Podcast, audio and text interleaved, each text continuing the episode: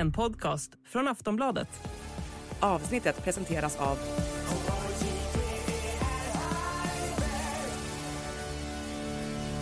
Stödlinjen.se, åldersgräns 18 år. Hej och välkommen till Den ideologiska frågan. Jag heter Anders Lindberg och idag möter jag Henrik Arnstad, författare. Välkommen! Tack så mycket för att jag får vara här.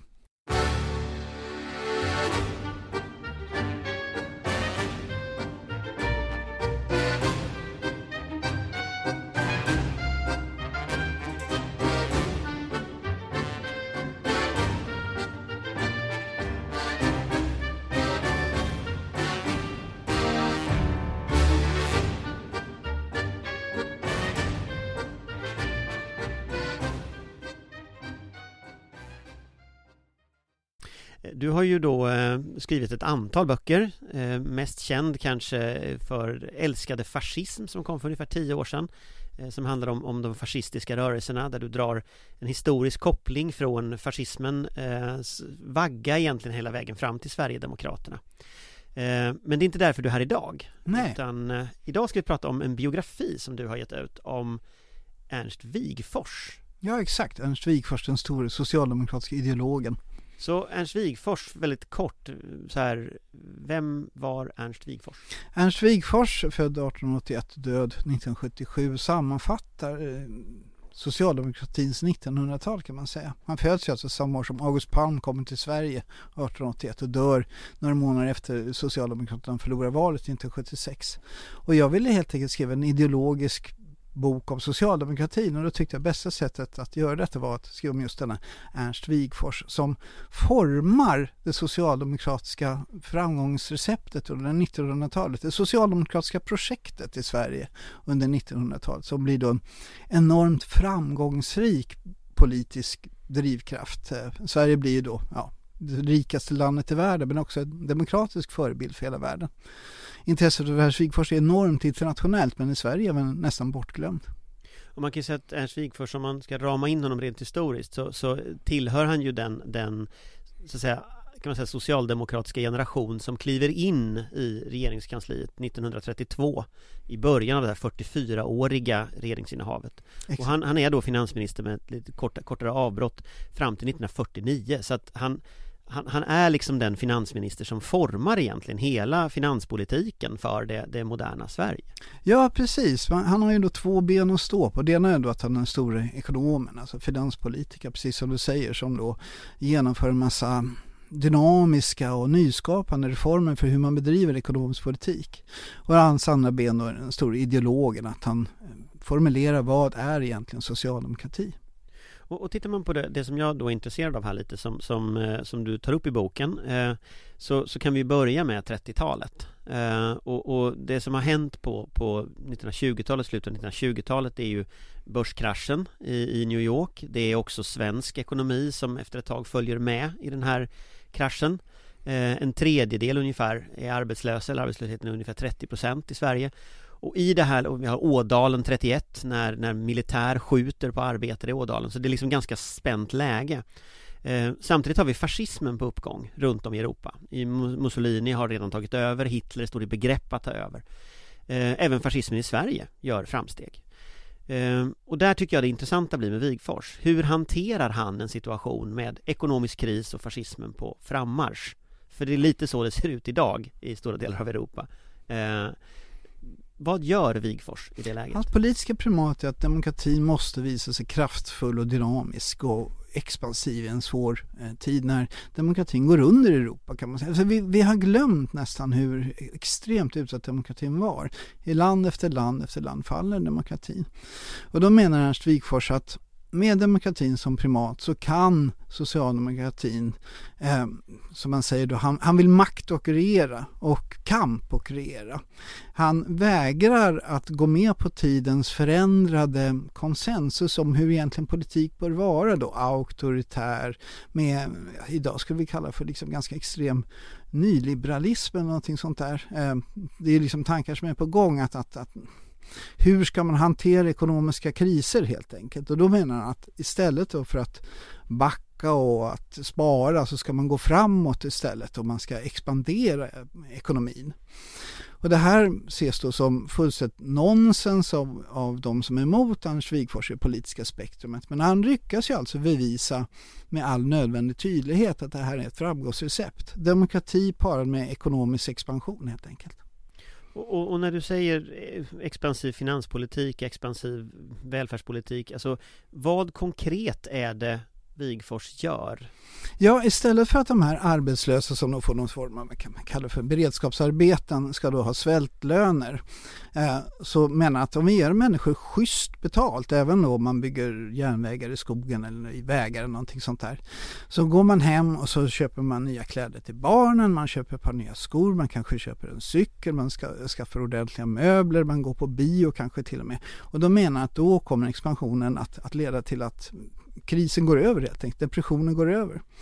Och så får han då ut, han ger sig själv utrymme att testa detta för han är duktig på makt, han är duktig på att få igenom det han vill. Och då pratar vi om det här succévalet 1932, först då partikongressen 1932 som är en Wigfors-kongress helt enkelt. Och sen då, då det här eh, valsegern 1932, efterföljande kohandeln när man får in bondeförbundet i den här politiken också så man har en eh, parlamentarisk majoritet bakom sig. Och så kör man helt enkelt. Och det visar sig var en enorm succé så att 1930-talet i Sverige blir det mest ekonomiskt framgångsrika decenniet i, i, Sveriges historia. Till skillnad då från många andra länder. Och det här ger Wigforss en enorm prestige, inte bara inom socialdemokratin utan även i Sverige så att det socialdemokratiska projektet fortsätter då ända fram till 1976 kan man säga. Och, och, och, här, eh, Socialdemokraterna grundas ju eh, 1889 så, så att partiet har ju ändå funnits här i, i 40 år, eh, mer än 40 år när, när man hamnar i, i regeringsställning under den här väldigt långa tiden. Vad är det som gör att Wigfors kommer fram till den här väldigt expansiva eh, politiken, den här idén? Vad är det som har det så här, gjort att han har hamnat där? Kort sagt, han läser. Eh, hela Sveriges politiker politiska liksom, kultur går ut på att läsa, eh, kan man säga, tyska eh, teoretiker. Oavsett om man då är liksom fascist eller eh, konservativ eller eh, vänster så läser man de här tyska tankarna. Eh, Wigforss söker sig till den anglosaxiska sfären där det händer mycket roligare saker. Och där det finns en mycket luddigare gräns mellan vänsterliberalism och socialism också. Och han läser de här teoretikerna som då har tankar om expansiv politik, att man ska man ska spendera sig ur krisen helt enkelt. Eller som han, Wigforss säger själv då, har vi råd att arbeta? är väl då hans mest kända tal egentligen då som, som hanterar det här. Och eh, han skaffar sig sån makt då inom socialdemokratin så att Socialdemokraterna vågar testa det här. Vad är då egentligen liksom problemen för Socialdemokraterna som kriser under 1920-talet? Och det, då de är offer för sin egen framgång precis som du säger, man har hållit på några årtionden och de har haft två frågor. Allmän och lika rösträtt eh, och åtta timmars arbetsdag. Och det här har man kämpat för i decennium efter decennium. Så när man då helt plötsligt får det här då, 1918 till 1921 kan man säga, så vet man inte vad man ska göra sen. Nu har vi allmän och lika rösträtt och nu har vi åtta timmars arbetsdag. Och, och, så drar ju då Liberalerna iväg åt höger kan man säga, så man förlorar då stödet från, från Liberalerna. Och då kliver just Ernst Wigforss in under andra halvan av 1920-talet och formulerar det här är socialdemokrati. Det är demokrati eh, som då satsar på jämlikhet och på eh, alla människors lika värde, på demokrati och på den här nya ekonomiska experimentella politiken som, som det då kallas för. Viktigt är också att man kritiseras för att man ska experimentera. Och då säger Wigforss att all politik som leder framåt är experiment. Vi måste, man måste våga experimentera och det är det här med tillfälliga utopier och eh, alltså, vi provar det här. Går det bra så går det bra. Och så pekar han på att den parlamentariska demokratin, det var ju samma sak. Det var ju också ett experiment. Liksom. Och så testar man det och så går det framåt. Och det här är någonting då som akademikern Wigforss har med sig från sin vetenskapliga bana. Tillfälliga sanningar helt enkelt. Och det visar sig att det går bra och då fortsätter man. Om man tittar på den, den här politiken, alltså konkret, det, du nämnde kohandeln, för det man gör 1932 det är ju att man kommer in med ett ganska expansivt program men man identifierar också att det inte bara är arbetare som råkar illa ut i krisen, det är även bönder. Eh, och man hittar en slags gemenskap med bondeförbundet i att faktiskt en analys som är gemensam. Berätta lite om det. Ja, Alltså Socialdemokraterna i den svenska arbetarrörelsen var ju väldigt inriktade på industriarbetaren. Det här med jordbruksarbetaren såg man liksom som, det var någonting annat helt enkelt. Man inkluderade då inför valet 1932 inte bara då jordbruksarbetarna som är en stor del av den svenska arbetarkåren. Eh, det är de största eh, arbetsgivarna helt enkelt. Sockerindustrin till exempel är enorm. Men också då bönderna som själva är då liksom någonting mittemellan företagsledare och arbetare. Det, det, är svårt att veta vad liksom en bonde på sin gård egentligen är för någonting. Socialdemokraterna satsade då intensivt inför valet 1932 just på den här befolkningen av två skäl. Dels så är det en stor befolkning med stort inflytande och många röster helt enkelt. Men också så har man sett det från Tyskland att just den här befolkningen är särskilt i fara att lockas med av nazismen, av fascismen. Och genom att satsa just expansivt på att ta in de här eh, eh människorna i det socialdemokratiska projektet så, så lyckas man också rycka undan benen för svensk nazism. Sen hör då till saken att bondeförbundet i sig självt genomgår en förändring som, där man överger då den här konservatismen till förmån mot en ny expansiv politik. Och det är framförallt namn som KG Westman och, och eh, sånt här som, som då lyssnar på Socialdemokraterna och tycker att det här är ganska vettig politik även för en bonde. Så att man vinner landsbygdsbefolkningen helt enkelt, socialdemokratin. För, för, just de här konflikterna går ju igen fortfarande. Centrum, periferi, eh, arbetare som röstar på högerextremister. Här, här ser vi ju liksom en, en, en väldigt tydlig skillnad också mellan Sverige och Tyskland under den här tiden. Och du tar i din bok upp SPD, det tyska socialdemokratiska partiet, som ju väljer en helt annan väg, eller jag vet inte i mån man kan kalla det ett val, men de agerar helt annorlunda än det svenska partiet. Kan du berätta om skillnaden mellan Sverige och Tyskland i det här fallet? För den tyska det tyska valet så att säga slutar ju helt annorlunda. Där är det ju inte socialdemokrater som kliver in, där är det ju Adolf Hitler som kliver in. Ja, det är precis som du säger. Man kan då sammanfatta snabbt socialismens historia till från början en fransk idérörelse som efter Pariskommunen blir en tysk idérörelse. Den svenska socialdemokraterna är en kopia av den tyska socialdemokraterna, eh, Gota-programmet och sånt där. Och under, runt år 1900 så inträdde då en, en, kritik av marxismen inom socialdemokratin i Europa, där då framförallt inom Tyskland då man började liksom peka på att det, är liksom, det här med Marx, det funkar inte. Det historiedeterminismen och sånt där, den dogmatiska marxismen. Det här ses då i Tyskland som sacrilegious, vad säger man på svenska? Heligt. Ja, precis. Och man avfärdar, men Wigforss är nyfiken. Han tittar till exempel på syndikalismen, han tittar på olika gillesocialismen i Storbritannien och så vidare och de här anglosaxiska vänsterliberalerna och så vidare. Så vad Ernst Wigforss lyckas med, som inte tyska socialdemokratin lyssnar med, det är att han eh, lyckas med, det, det är att han överger den marxistiska dogmatismen helt och hållet och istället satsa helt och hållet på demokrati och, och ekonomisk expansion. Medan då eh, tyska SPD är kvar i de marxistiska normerna och lyckas därmed inte konkurrera med Adolf Hitler som är då en, en väldigt dynamisk politiker och, och väldigt expansiv politiker som lyckas väcka det tyska folkets intresse helt enkelt. Så det här är då den enorma skillnaden. Här, här, finns ju en fundamental skillnad om man mm. tittar på valen där den tyska arbetarklassen i hög utsträckning går till högerextremister, röstar på Adolf Hitler mm. medan den svenska arbetarklassen eh, går till Socialdemokraterna. Yes. Och det är det här magiska också, då får vi inte glömma Per Albin Hansson. Att Per Albin Hansson, den socialdemokratiska partiordföranden, Eh, är då en väldigt duktig wheeler and dealer. Han kan liksom kompromissa, han kan eh, fixa avtal med, med politiska motståndare och sånt där. Det är han som fixar kohandeln med, med bondeförbundet. Medan Wigfors är då liksom ideologen som visar riktningen framåt. Och de här två människorna, Per Albin Hansson och Ernst Wigforss, de gillar inte varandra. De kommer liksom inte överens. Men de förstår bägge två att de behöver varandra. Jag brukar jämföra dem med Gustav II Adolf, den andra Adolf och äh, Axel Oxenstierna. Att eh, Gustav II Adolf, han var liksom så här, nu ska vi invadera, nu ska vi gå in i Tyskland och gå in i 30-åriga kriget. Och så, så ska använda de här häftiga holländska militärteorierna som jag har läst om. Och då säger liksom Axel Oxenstierna, jaha då ska vi se till, då ska vi fixa det och så ordnar han saken helt enkelt. På samma sätt fungerar Ernst Wigforss och Per Albin Hansson. Ernst Wigforss säger, nu ska vi ha de här häftiga nya te ekonomiska teorierna och vi ska ha ett driv framåt, vi ska ha demokrati och bra grejer.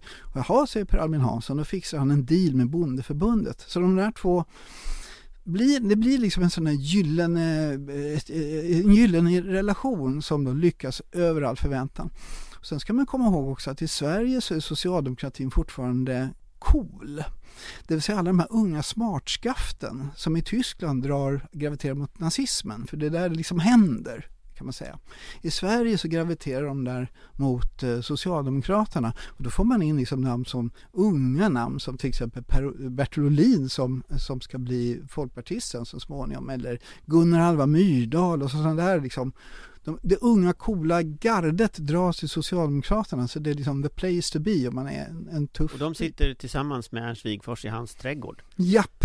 Beskriver du ingående? Ja, eh, Bertil Ohlin myntade ju så, så småningom namnet Stockholmsskolan om det här. Liksom. Att, att det, de sitter i Ernst Wigforss trädgård eh, med hustrun Eva där i Bromma och får saft i, i trädgården. Och så sitter de och kucklar ihop det nya Sverige helt enkelt. Och sen blir det krig? Och sen blir det krig. Och vad händer då? Jo, då blir det krig. Och Sverige omringas ganska snabbt av axelmakterna. Eh, I väster Norge och Danmark ockuperat av tyskarna, i söder Tyskland självt. I öster Finland som då är stukat efter vinterkriget av, av det tyska allierade Sovjetunionen som fortfarande då är tyska allierat. Och eh, Hitler har vunnit andra världskriget och man kan säga att stora delar av Sverige resignerar. Liberalismen är tyskvänlig, högern är absolut tyskvänlig, bondeförbundet Aftonbladet är tyskvänliga. Aftonbladet under Kryger, då inte, som inte är en vänstertidning, tyskvänligt. Och då har vi då en person i Sverige, en väldigt mäktig antinazist som inte kan på något sätt tolerera, han, han kan liksom inte acceptera verkligheten helt enkelt. Och det är Ernst Wigforss. Vi har många antinazister i Sverige. Vi har liksom Torgny Segerstedt i Göteborg på Göteborgs Handels och Sjöfartstidning och sådana där karaktärer. Men de är ju maktlösa. De är då hunsade av, av, av staten.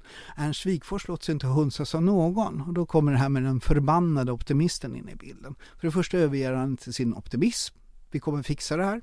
Och för det andra så är han då förbannad. Han, är då, han hatar antisemitism. Han hatar nazism och han ger inte en tum åt det här i regeringen och är då liksom en ständigt vrålförbannad nej-sägare som ibland anar man att samlingsregeringen hellre säger nej till tyskarna och riskerar då tysk ockupation av Sverige än att det är så jobbigt när Wigforss blir arg. Du, du pratar om den vita ilskan, mm. pratar om som ett begrepp. Ja. Vad är den vita ilskan? För ja, det kommer från en, en dagbok under kriget där, där, där man konstaterar att Wigfors, när han då blir när han blir så här fruktansvärt arg som han blir då i samlingsregeringen när tyskarna kommer med krav.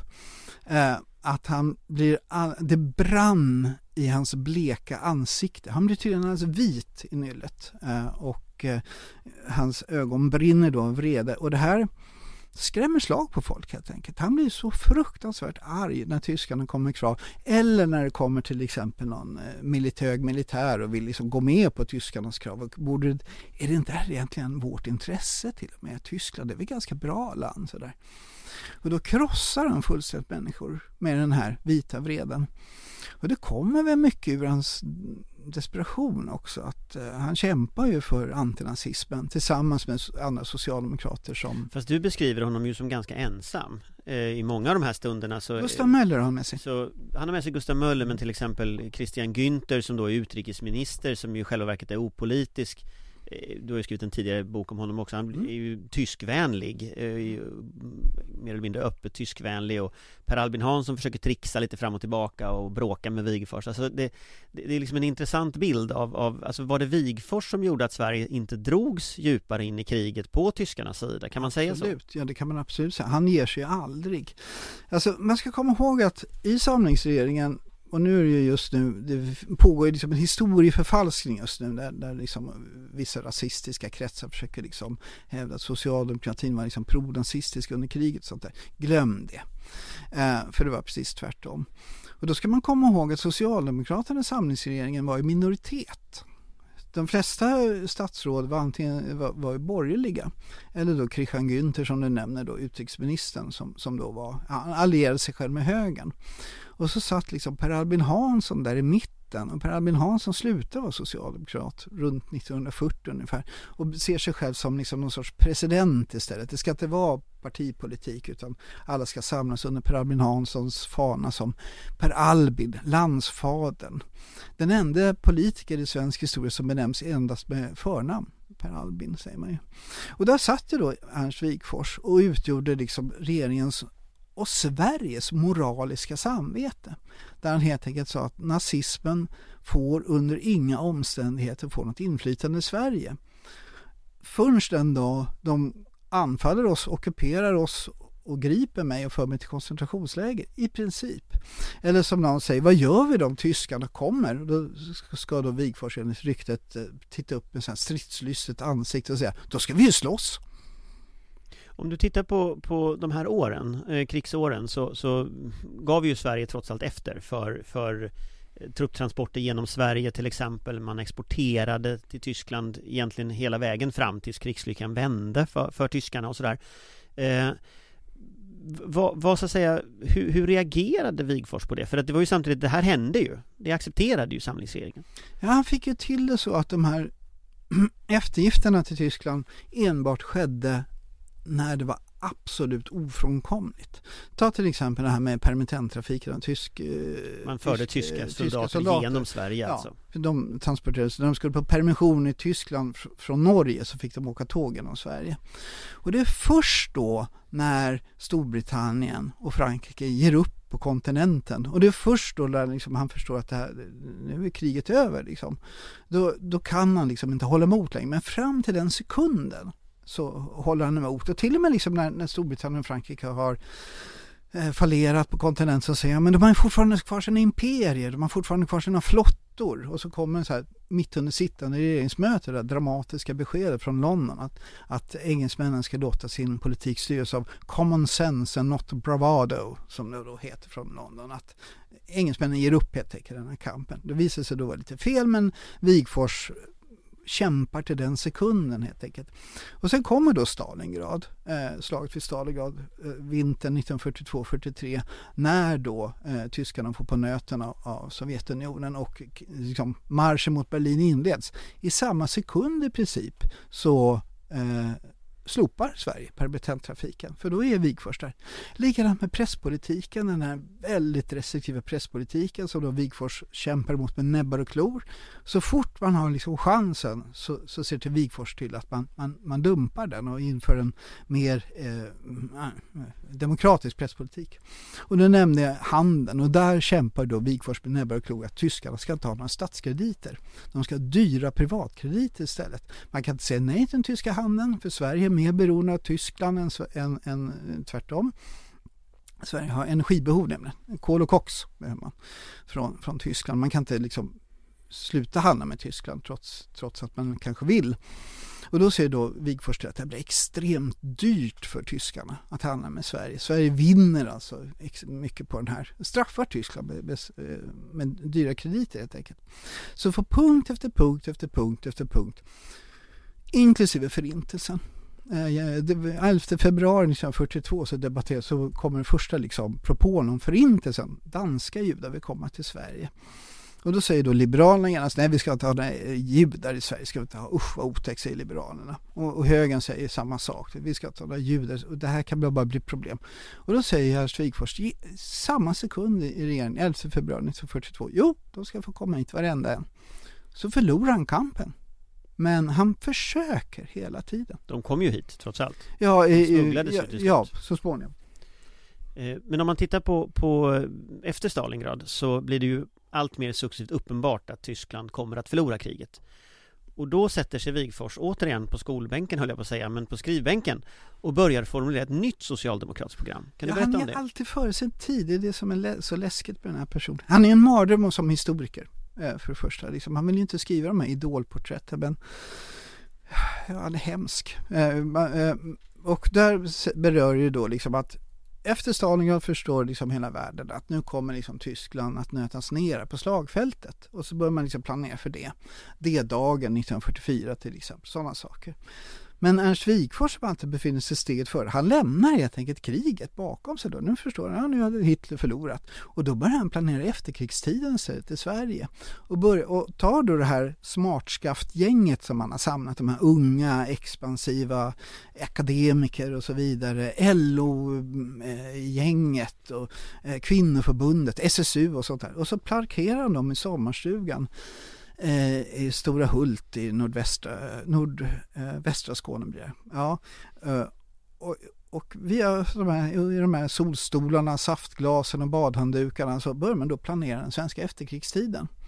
Och det här blir då på partikongressen 1944, Wigfors 27 punkter, som är då grunden för den svenska välfärdsstaten. Och det är efterkrigsprogrammet? Yes, och det fixar ju han då redan sommaren 1943. Och han påpekar ju själv att han hade planerat samma sak redan efter förra kriget 1919.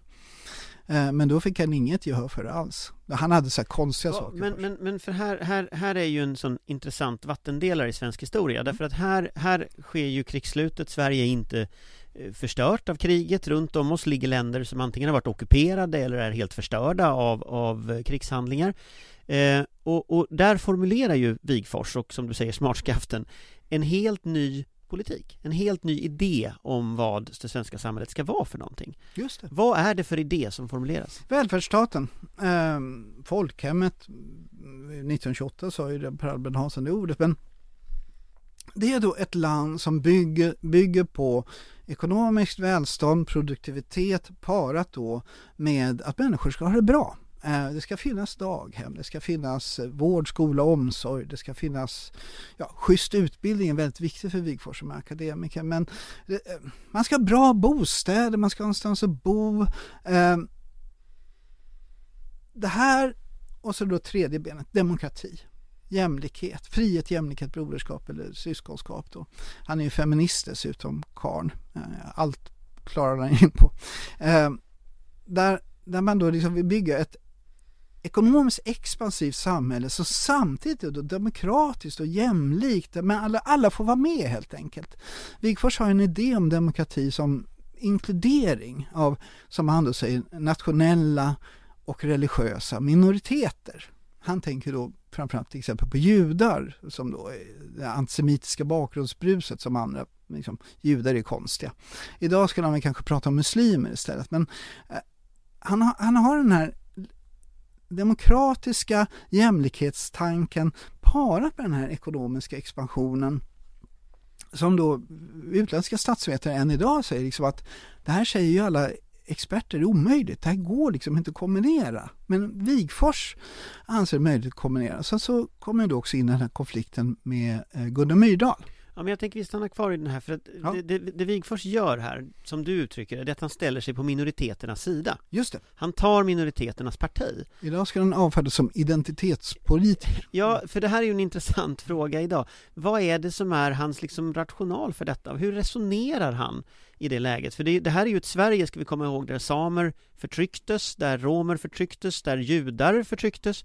Alltså. Mm. Och det finns en del andra otäcka saker som vi kan komma in på sen som Sverige ägnar sig åt åt den tiden. Men hur hamnar han i den positionen? Det gör han ju väldigt tidigt och då kommer in på hans uppväxt i Missionsförbundet. Uh, han växer upp i en kristen miljö där Gud är en snäll farbror som tycker att alla människor är lika värda och Jesus hade nog någonting att göra därmed. som, som Wigforss skriver.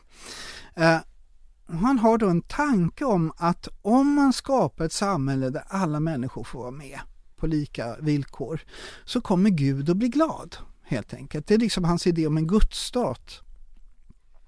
Så han skapar alltså en stat eh, utifrån de här, liksom, sin, sin, sin kristna övertygelse där alla människor ska få vara med. Och det här sker väldigt tidigt i det 1910-tal, 1920-tal som historiker idag pratar om det antisemitiska bakgrundsbruset så sitter Wigforss där och menar att alla ska få vara med och som du säger så handlar det framförallt om judarna.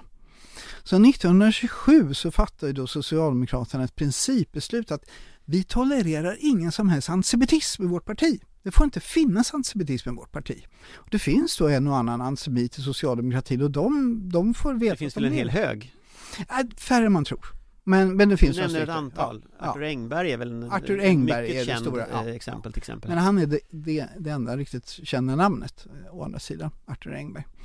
Eh, men till och med Arthur Engberg får liksom sitt, eh, sina fiskar varma så fattar ju Arthur Engberg att nu får jag inte vara antisemit längre och så slutar han vara det helt enkelt. Antisemitism det får liberaler syssla med. Antisemitism det får moderater, alltså högern syssla med. Bondeförbundet är ju antisemitiskt också, det är ju problemet då när man ska samarbeta med dem. Socialdemokraterna totalförbjuder antisemitism i sitt parti och det kommer liksom att fortsätta sen eh, under andra världskriget och så vidare. Och det här är grundläggande för att förstå Ernst Wigforss. Att är han, han, menar på att den som inte inkluderar utsatta minoriteter, nationella minoriteter, religiösa minoriteter i det demokratiska projektet är inte demokrat. Och han går ännu längre som kristen och säger att den som inte inkluderar utsatta minoriteter i, i, i samhällsprojektet är okristlig, säger han. Antikrist helt enkelt. Så då rullar vi framåt till efterkrigstiden och där gör han allvar av det här? Exakt. Hur då? Jo, Socialdemokraterna genomför ju då den här fantastiska partikongressen 1944 som är en, återigen, precis som 1932, en, en Wigforskongress där det här efterkrigsprogrammet går igenom. Och det är kontroversiellt av den anledningen att det ta bort det allra sista av marxismen i partiprogrammet, det här med utsugarretoriken. Det tar man bort för man menar att vi är inte bara ett arbetarparti utan vi är ett parti för hela svenska folket. Man menar att våran socialism kommer även att gynna näringslivet till exempel. Eh, det här är någonting för oss allihopa. Och så gör man sådana valfilmer, man visar upp det här hur man liksom inkluderar eh, småföretagare och så vidare. Det här går igenom. Eh, Socialdemokraterna tar då efter andra världskriget makten själva. Men eh, Per Albin Hansson vill gärna fortsätta med samlingsregeringen nämligen för han tycker det är rätt trevligt för då får jag själv bestämma det mesta. Nej, säger Ernst Wigforss, vi ska ha en, en ren socialdemokratisk regering. Per Albin Hansson dör 1946 och, och Ernst Wigforss ser till att få, till, få in sin beundrare, kan man väl kalla honom för, hans adept, den, den unge Tage Erlander som ny partiordförande. Ja, för det var ett snack där om att Wigfors skulle bli partiledare också. Ja, och han är aldrig intresserad. Han trivs ganska bra i sin roll där. Och så genomför man ju då det här projektet eh, i valrörelsen 1947-48 helt enkelt. Och ser till att liksom Wigfors 27 punkter blir svensk verklighet. Och Per, eh, per Albin Hansson är borta, vi har istället Tage Erlander. För första gången har då Ernst Wigforss en, en statsminister som han är kompis med, som han är nära. De har en väldigt nära och fruktbar relation. Och så genomförs det här då under 40-talet, 50-talet, 60-talet. Ernst Wigforss själv avgår som finansminister 1949 men han lämnar ju absolut inte politiken utan det då fortsatt under hela, ända fram till dess dag han dör, alltså som över 90 år gammal så är han liksom den stora ideologen som du berättade att du själv stötte på som ung SSU-are, eller hur? Mm. Ja, men det är en intressant eh, parallell faktiskt att, att eh, där, där eh, när jag för 20 år sedan 30 år som blir det väl nu eh, höll på med, med Socialdemokratiska ungdomsförbundet träffa på det Då var ju Wigfors ikon för partivänstern eh, och, och, då är det ju intressant att prata just om de här frågorna som, som du tar upp nu, liksom var, var han låg i de här olika konflikterna vänster-höger. För efter kriget så, så blir det ju ett antal debatter, ganska hårda konfrontationer med högern. Eh, som ju Socialdemokraterna misslyckas ganska mycket med. Det är planhushållningsdebatt, det är löntagarfonder, det är liksom ATP. ATP, det lyckas man väl kanske bättre med men, men om man tittar på de andra att, att Socialdemokraterna drar iväg väldigt långt åt vänster Eh, vilken roll hade Wigfors i att man misslyckades där med planhushållningsdiskussioner? Och... Alltså en sak som man glömt idag det är att demokratin inte är säkrad i Sverige förrän i slutet av 40-talet, 1940-talet. Först då så ger högern upp helt och hållet angående det här med, med man pratar för nödfallsdiktatur, den term som forskningen säger att okej okay, säger högern, demokrati är kanske bra, men är det nu att vi har den här fruktansvärda socialismen, socialdemokratin, så kan vi kanske tvingas införa någon form av diktatur. Eh, och då pratar vi framförallt det svenska näringslivet. Man ger upp lite grann om partiet höger, för man tycker partiet höger, de är så efter och de klarar inte av någonting. Så istället så satsar man liksom på propaganda. Och målet för den här propagandan som då ska fälla regeringen, socialdemokratiska regeringen, det är då Ernst Wigforss. Han utsätts för en fruktansvärd person kampanj, en hatisk kampanj som egentligen inte har någon motsvarighet förrän Olof Palme, hatet mot Olof Palme och idag då med det här näthatet. Eh, mordhot är liksom en del av Wigfors vardag. Telefonen ringer hans hustru, hos hustrun Eva på natten när han är bortrest och så säger en röst att nu har vi skjutit, din make är död, han har skjutit honom. Och så. Fruktansvärd terror helt enkelt. Och det är liksom högens sista desperata försök att stävja det här socialdemokratiska framgångsprojektet. För precis som du säger, man är väldigt öppen med att det här är socialism. Vi ska bygga socialismen. Och trots då att näringslivet har tjänat någonting enormt på Ernst Wigforss socialism, 30-talet inte minst, eh, så kan man liksom inte tåla honom. Man, man, kan inte tolerera att han finns. Och då bygger man upp det här enorma Wigfors-hatet. Men Ernst Wigfors är ju inte Ernst Wigfors om han inte klarar sånt. Han är en tuff typ, han är en hårding. Så att han fixar det här och så bygger man upp det här projektet. Wigfors blir ju en partiideolog även efter att han avgår. Eh, och du beskriver ju liksom på slutet eh, han, han, dör eh, till slut när han ramlar ner ur ett äppelträd. Ja, Väldigt typiskt i alla sådana här historier. Vilken roll spelade han på slutet? Han radikaliseras efter 90-årsdagen vilket är lite typiskt för honom. Han är, han är, väldigt, han, han, är väldigt inne på det här. Hela hans liv så försöker han på det här med, med ekonomisk demokrati till exempel. Att menar liksom att arbetarna ska då liksom ha en maktställning inom liksom även ekonomin. Det faller ständigt på att LO inte riktigt med på tåget. LO är ganska nöjda med att få schyssta löner och schyssta arbetsvillkor och sånt där. Och Ernst Wigforss förstår att man kan inte driva den här frågan om man inte har LO med sig så att säga. Så han mer eller mindre ger upp under liksom eh, efterkrigstiden.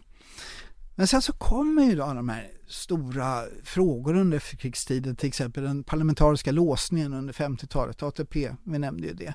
Och då då skriver Wigforss den här förlösande skriften Hur ska dödläget brytas? Och lyckas då också liksom.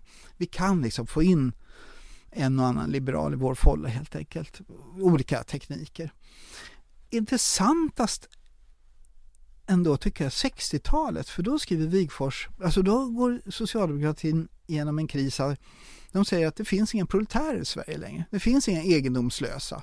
Utan arbetarna har liksom Volvo, villa och eh, en vovve eh, och har det ganska bra.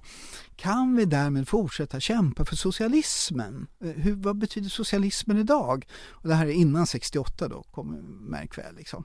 Och då skriver liksom Wigforss en fantastisk skrift om Jo men det, socialismens tanke på ett, mm, ett samhälle där alla människor är lika mycket värda och alltså, demokratin är ju då fortsatt hans liksom patos. Han menar att vi kan fortsätta bygga demokratin även om folk har en villa. Så det ska liksom inte hindra vårt samhällsbygge menar jag. Vi ska bygga det här goda samhället som, som man då strävar efter. Så han lyckas liksom på punkt efter punkt hela tiden leverera lösningen till socialdemokrati i kris vilket man är liksom då och då, liksom även under 60-talet, liksom, har man väldigt mycket röster. Så, och sen så nämner du SSU, han är ju ständigt liksom ungdomens politiker. Jag pratade med Ingvar Carlsson om det här och Ingvar Carlsson sa att när han var ung SSU då kom ju Ernst Wigforss på SSU-mötena i Lund och satt där och liksom lyssnade. Och SSU sa, oj vad är Ernst Wigfors här med oss idag? Kan inte du Ernst berätta någonting? Vad tycker du om det? Och de sa, nej jag är här för att lyssna, jag är här för att ta in. Han slutade aldrig lyssna. Han blev aldrig en gubbe. Alltså typiskt gubbar är att de, ja jag tycker att man ska göra så här istället och jag tycker detta och mansplain och allting sånt där. Som blev aldrig Ernst Wigfors. Han fortsatte hela tiden att lyssna. Det finns två australiska statsvetare, Jeff Dow och Winton Higgins, som säger att de pekar på hans romanläsning. Han, han läser hela romaner, nya romaner. Det är det han pratar om med eh, Tage Erlander och bästa eh, kompisen eh, Hammarskjöld, Dag Hammarskjöld. Liksom. Han pratar om romaner. Han har läst böcker. Dag Hammarskjöld pratar ju dessutom då religion, filosofi och, och livsexistentialism, kristendom. Både Dag Hammarskjöld och Ernst Wigforss är djupt kristna människor. Där hittar vi liksom den här nyckeln till det här som Tage Erlander kallar för Sveriges största politiska geni genom tiderna. Nyfikenheten. Nyfikenheten, ja.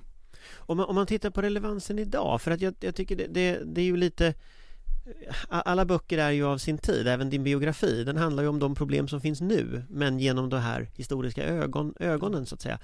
Eh, ja, jag erkänner.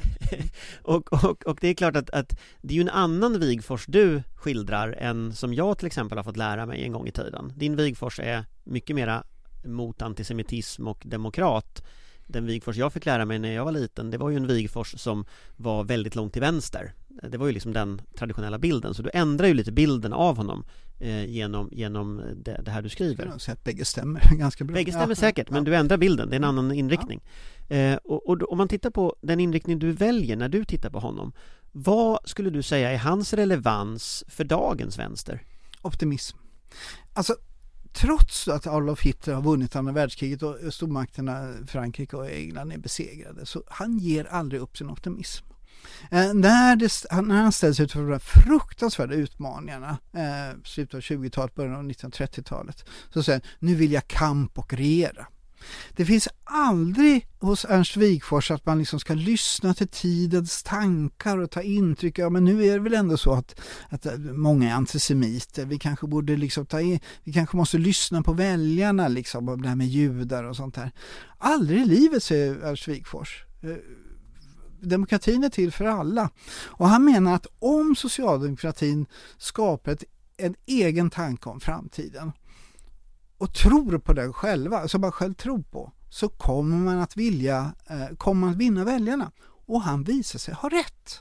Jag träffade ganska nyligen en socialdemokratisk, en ledande socialdemokrat som det brukar heta, som eh, lyssnade på mig när jag pratade om Svegfors offentligt och då sa, kom jag fram efteråt var mycket välvillig och sa att det här var fantastiskt bra. För oss socialdemokrater så handlar det nu om att inte driva en egen politik. vi, vi lyssnar hela tiden på vad väljarkåren vill och så gör vi som de vill och då går vi fram till opinionen. Så. Och då sa jag att det där är motsatsen mot Ernst Wigforss. Ernst Wigforss hade liksom en tanke om det goda samhället och så menar han liksom det här tror jag att människor vill ha, även om de inte begriper det. Jag brukar tänka om Ernst Wigforss som en sorts eh, politikens Steve Jobs, Apple-chefen. Steve Jobs, han eh, tog ju fram iPhone och så visade sig alla kundundersökningar, ingen vill ha en iPhone. Man vill ha de här Nokia och de här Ericsson-telefonerna med knappar och allt sånt där vad det var. Men Steve Jobs han tänkte, nej men det här är det, här är vad, det, här är det bästa. Och så lanserades då eh, iPhone 2007 var det va? Eh, och eh, den ryck, rycker undan hela mobilmarknaden. Det, alla vill ha en iPhone. Likadant med iPad. Han, eh, ingen, ingen vill ha en iPad, visar kundundersökningarna. Och så lanseras iPad och idag har ju alla människor en padda, eller hur? Wigforss fungerar precis likadant som Steve Jobs. Han menar att det här är ett samhälle som människor mår bra av. Där människor har semester till exempel. En annan sån Ernst Wigforss påhitt liksom. Där människor eh, har tid att göra mer än bara arbeta. Där människor inkluderas i ett demokratiskt samhälle som dessutom blir ekonomiskt expansivt. Det tror jag kommer gå bra, säger Ernst Wigforss. Och så får han med sig Socialdemokraterna 1928 till 1932. Och det visar sig då bli en stor succé. Och där tror jag att Wigfors optimism om att bygga en, ett land där människor mår bra är ett modell inför framtiden. Den förbannade optimisten Ernst Wigfors kommer hans politik, okej okay, vi får göra om det till idag. Idag skulle han kanske prata om eh, hållbarhet utifrån eh, klimatförändringarna till exempel. Att, att kunna göra någonting expansivt och progressivt av det. Liksom. Det är annorlunda idag, visst. Men det är anmärkningsvärt hur bra Socialdemokraterna hanterade nazismen 1932 när man inte visste vad nazism var egentligen jämfört med hur Socialdemokraterna idag har försökt hantera Sverigedemokraterna. Man har ju lyckats väsentligt sämre om man säger så idag. Eh, Sverigedemokraterna har ju 20 procent Fascisterna på, på 30-40-talet fick ju, det var ju ett promilleparti liksom. 0,6 procent 1936. Och det, det var det bästa valet Det, det är det bästa. 1940 när Hitler stod på höjden av sin makt så ställde de inte sig upp i valet för det är kört. Wigfors finns. Men om du ser skillnaderna mellan de två modellerna, om man tar så här Wigfors hantering eh, av, av fascismen och för fram till idag. Hur skulle Wigfors gjort med Sverigedemokraterna? Oh, han skulle vara så förbannad. han, skulle ha använt sin vita vrede. För det första skulle han se till att de aldrig kom in i riksdagen överhuvudtaget. Genom att visa en progressiv och självförtroende byggd socialdemokratisk politik som hade erbjudit människor en optimism som inte är fascismens optimism. Vi måste komma ihåg att fascismen är en väldigt optimistisk ideologi. Vad Hitler gjorde var att han visade upp en värld för Tyskland och sa att vi kan bygga en bättre, ett bättre Tyskland tillsammans. Om vi gör så här och vi, de här äckliga judarna måste bort och ja, parasiterna på samhällskroppen och sånt där. Wigforss gör samma sak i Sverige fast demokrati. Han menar om vi bygger det här demokratiska samhället där alla människor är lika mycket värda och där vi gör liksom bra saker så kommer vi bygga ett bättre Sverige. Så Wigforss och Hitler står ju då mot varandra. Wigforss världens ledande socialist skulle jag säga, demokratiska socialist i alla fall, 1932 och Adolf Hitler då världens ledande fascist 1932. De här två människorna möts för att den ekonomiska politiken är, har sina likheter. Det här korporativistiska 30-talet. Liksom. Till och med USA var ju korporativistiskt med New Deal och sånt där. Och England ser vi korporativism och så vidare. Eh, Hitler bygger motorvägar och det gör ju liksom Wigforss också. Liksom. Men det är demokratin som skiljer dem åt. Och Wigforss lyckas ju då visa Sverige att det här är ett bättre alternativ än det här fruktansvärda som händer i Tyskland. För Wigforss vet ju också vad det först, vilka är de första som mördas av nazister, det är ju socialdemokrater. Det, det, är ingen slump att Anders Behring Breivik i Norge, han dödade ju socialdemokrater för, eftersom han hatade muslimer. Eh, muslimerna skulle komma sen. Liksom, så, här. så Ernst Wigforss och socialdemokratin förstår detta 1932 och går då på en hård offensiv och den är ju föga vacker. Eh, det är en ganska hårdhänt politik man driver mot nazisterna. Det ska inte få vara nazistiska möten, det ska inte få vara nazistiska sammankomster, nazister ska inte kunna marschera på svenska gator och så vidare. Det här driver man ju igenom under ganska hårdhänta former för man vet vad alternativet är. Om, om, om Magdalena Andersson kunde lyfta telefonen och ringa till en Wigfors som hade fortfarande levt i sin sommarstuga nere i Skåne. Ja. Vad, vad hade han sagt till henne då? Då skulle han säga så här. Magdalena, stoppa in 20 smartskaft i ett konferensrum på Sveavägen 68 och så säger ni till dem att ni kommer inte ut ur den här lokalen förrän ni har formulerat ett nytt folkhem. En ny, en ny ideologisk idé om vad vi ska göra av Sverige och det får inte vara en kopia av Moderaternas kriminalpolitik eller Sverigedemokraternas invandringspolitik eller någonting sånt där. Utan det måste vara en egen socialistisk, demokratisk socialistisk dröm om framtiden. Och så kommer de och säger, men gud vi har ingen mat, vi kommer inte komma ut ur konferensrummet, vi måste gå på toaletten. Och så säger nej, kom inte ut förrän ni har formulerat det här. Och så kommer de komma ut efter tio timmar. Och så kommer de ha liksom en formulering av en socialdemokratisk framtid i Sverige som bygger då på socialdemokrati, nämligen demokratisk socialism, alla Wigfors. Och är de alldeles för nödträngda så kan de ju faktiskt kopiera väldigt, väldigt mycket av vad Ernst Wigforss skrev och gjorde. För han skrev ju fantastiska saker. Och om du tittar liksom framåt. För relevansen är naturligtvis både vänsterpolitiken, socialismen och demokratin. Eh, och där kan man väl säga att båda är ganska grundläggande under attack i, i dagens Sverige, i dagens Europa.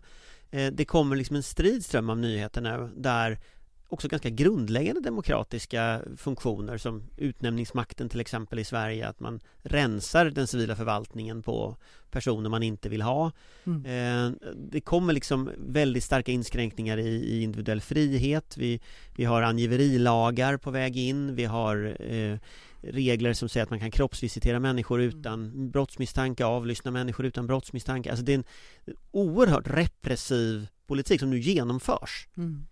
Hur ska man stoppa det och vända den utvecklingen om man, om man ska titta på liksom Wigfors det här är modell. väldigt sorgligt för mig som historiker, för jag vet ju alltså, vi historiker skriver ju ofta om att 1945 så övergav man den hitleristiska tanken att e- enbart extrema auktoritära åtgärder kan lösa samhällsproblem. Och även då inklusive våld liksom. Eh, och det här, var det, det här genomlyser hela efterkrigstiden, att man hittade andra lösningar. Och kalla kriget var inte perfekt och det var ju ganska hemska saker som hände. Liksom. Men det fanns ändå liksom i FNs grunder, till exempel 1948, eller de universella mänskliga rättigheterna som då eh, eh Eleanor Roosevelt drev igenom 1948. Det fanns liksom ändå en tanke om att vi drar någon lärdom av Auschwitz, vi drar en lärdom av det här att extremt våld inte är lösningen på alla problem och så vidare.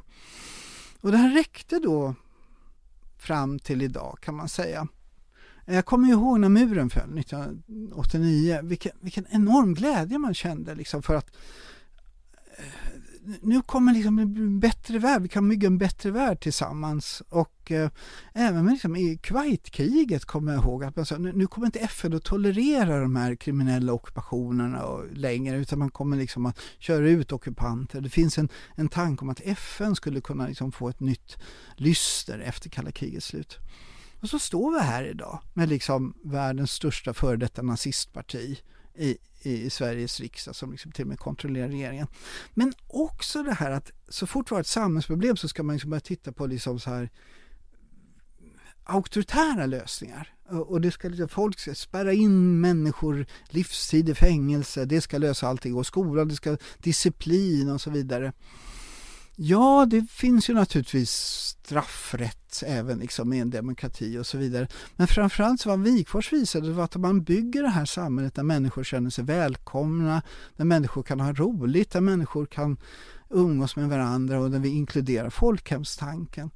Så inte bara får vi liksom en väldigt välfungerande demokrati utan vi får ju också ett väldigt ekonomiskt framgångsrikt land.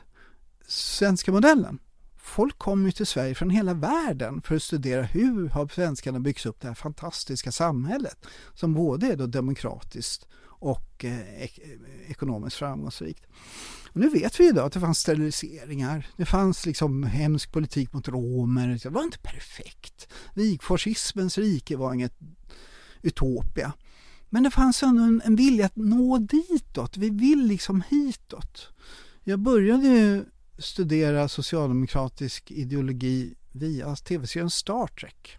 Det var liksom mina första studier. Och i Star Trek har man ju då lämnat konkurrensen människor emellan och bygger upp det här liksom Star Trek science fiction-samhället där det till exempel inte finns pengar längre utan alla får har då tillgång till vad man behöver via replikatorer heter det och så vidare. En sorts liksom, socialism i rymden liksom. Och Wigforss nickar liksom från sin grav och liksom tänka, visa att liksom, ja, vi lever inte det perfekta. Eller som han säger, det, som han själv skriver, det fanns inget paradis vid historiens början och det finns inget paradis vid historiens slut. Utan allt vi kan göra är att bygga, bygga liksom en dröm om det som ska bli ett paradis någon gång i fantasin, här och nu. Varje människa är här och nu och det är det vi gör nu som förändrar framtiden. Men om man tittar på, om man tittar på, ja, nej men om man tittar på, på, på de negativa sidorna som du tar upp, om man tar tvångssteriliseringarna var han ju uppenbarligen in, inte, i alla fall inte emot. Eh, och, och, och, det svenska samhället hade ju ganska allvarliga problem på väldigt många sätt när det gäller liksom auktoritära metoder. Alva Gunnar Myrdal nämnde du som, som, som i högsta grad hade en ganska auktoritär syn på, på samhällsliv och människor. Ångrade han någonsin det där? Nej, det var, han hann ju inte liksom leva så länge så debatten kom igång. Han, han, är, han är väldigt just det här med, med, med sterilisering, han nämner aldrig steriliseringar överhuvudtaget. Eh, och det beror ju på att i samtidigt var det inte kontroversiellt. Alla... Han skrev väl under motioner om det? Och sådär. Ja, det var ju då den första motionen eh, i första kammaren. Men det, han, han nämner alltså ingenting om det. Så att, ja. ja. Uh, ja, ett förslag om att vi ska ha steriliseringar mm. som inte går igenom. Men i alla fall. Men han har skrivit under motionen så man kan nog inte där. säga att han inte tyckte det. Nej, precis. Men det verkar närmast som att ja, här kommer en ny motion och den ska man skriva under. Liksom, så, ja, för han nämner det inte överhuvudtaget. Men han ångrar inte den sidan Nej, av folkhemmet? han lever ju inte så länge så att han hinner ångra det, på att säga. För att debatten kommer ju först senare. Men du har rätt i att där hade jag gärna velat ha honom, så att säga. Eller där, där, där, de människor som drabbas av det här, var hade de kunnat hitta någon som hjälpte dem? Och då hade ju Ernst Wigforss borde ha liksom funnits där också. Och, eh, men värre med honom, värre med honom det är hans förmåga att krossa människor. Där är han ju aktiv. Rickard Sander, socialdemokraten som skapar ABF och som är liksom eh, i den här Ålandsfrågan 1939 liksom. Wigforss hade inte behövt krossa Sanner som han gör. Gustav Möller 1946, Gustav Möller vill bli ny partiordförande efter Per Albin Hansson. Han har inte behövt krossa Möller så fruktansvärt som han gör. Och så vidare och så vidare. Han, han, han, han har en förmåga att krossa människor. Så han är ju ingen mysfarbror. Uh, jämt i alla fall, även om han tydligen kan vara det. Men om man tittar på, på eh, helheten så att säga. Du har då eh, nu hållit på, hur länge höll du på att skriva boken? Ja, vara... precis sedan 2006. 2006, så det ja, Men eh, med, med liksom, sen, jag har jobbat med den sedan 2006 och jag har inte velat skriva den för det har varit så, nej inte en sån där jättebiografi till. Och så har min kompis Ola Larsson på mig, skriv den där då, skriv, nu behöver vi den. Och så till slut så var jag tvungen att ge med mig helt enkelt, så kom den.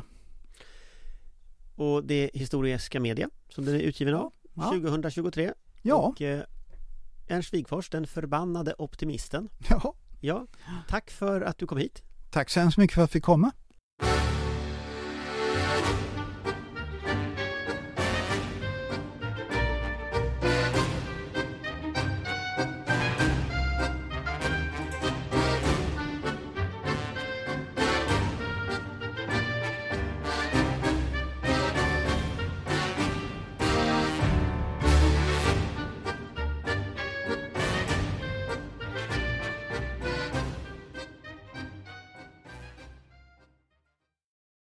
Du har lyssnat på en podcast från Aftonbladet. Ansvarig utgivare är Lena K Samuelsson.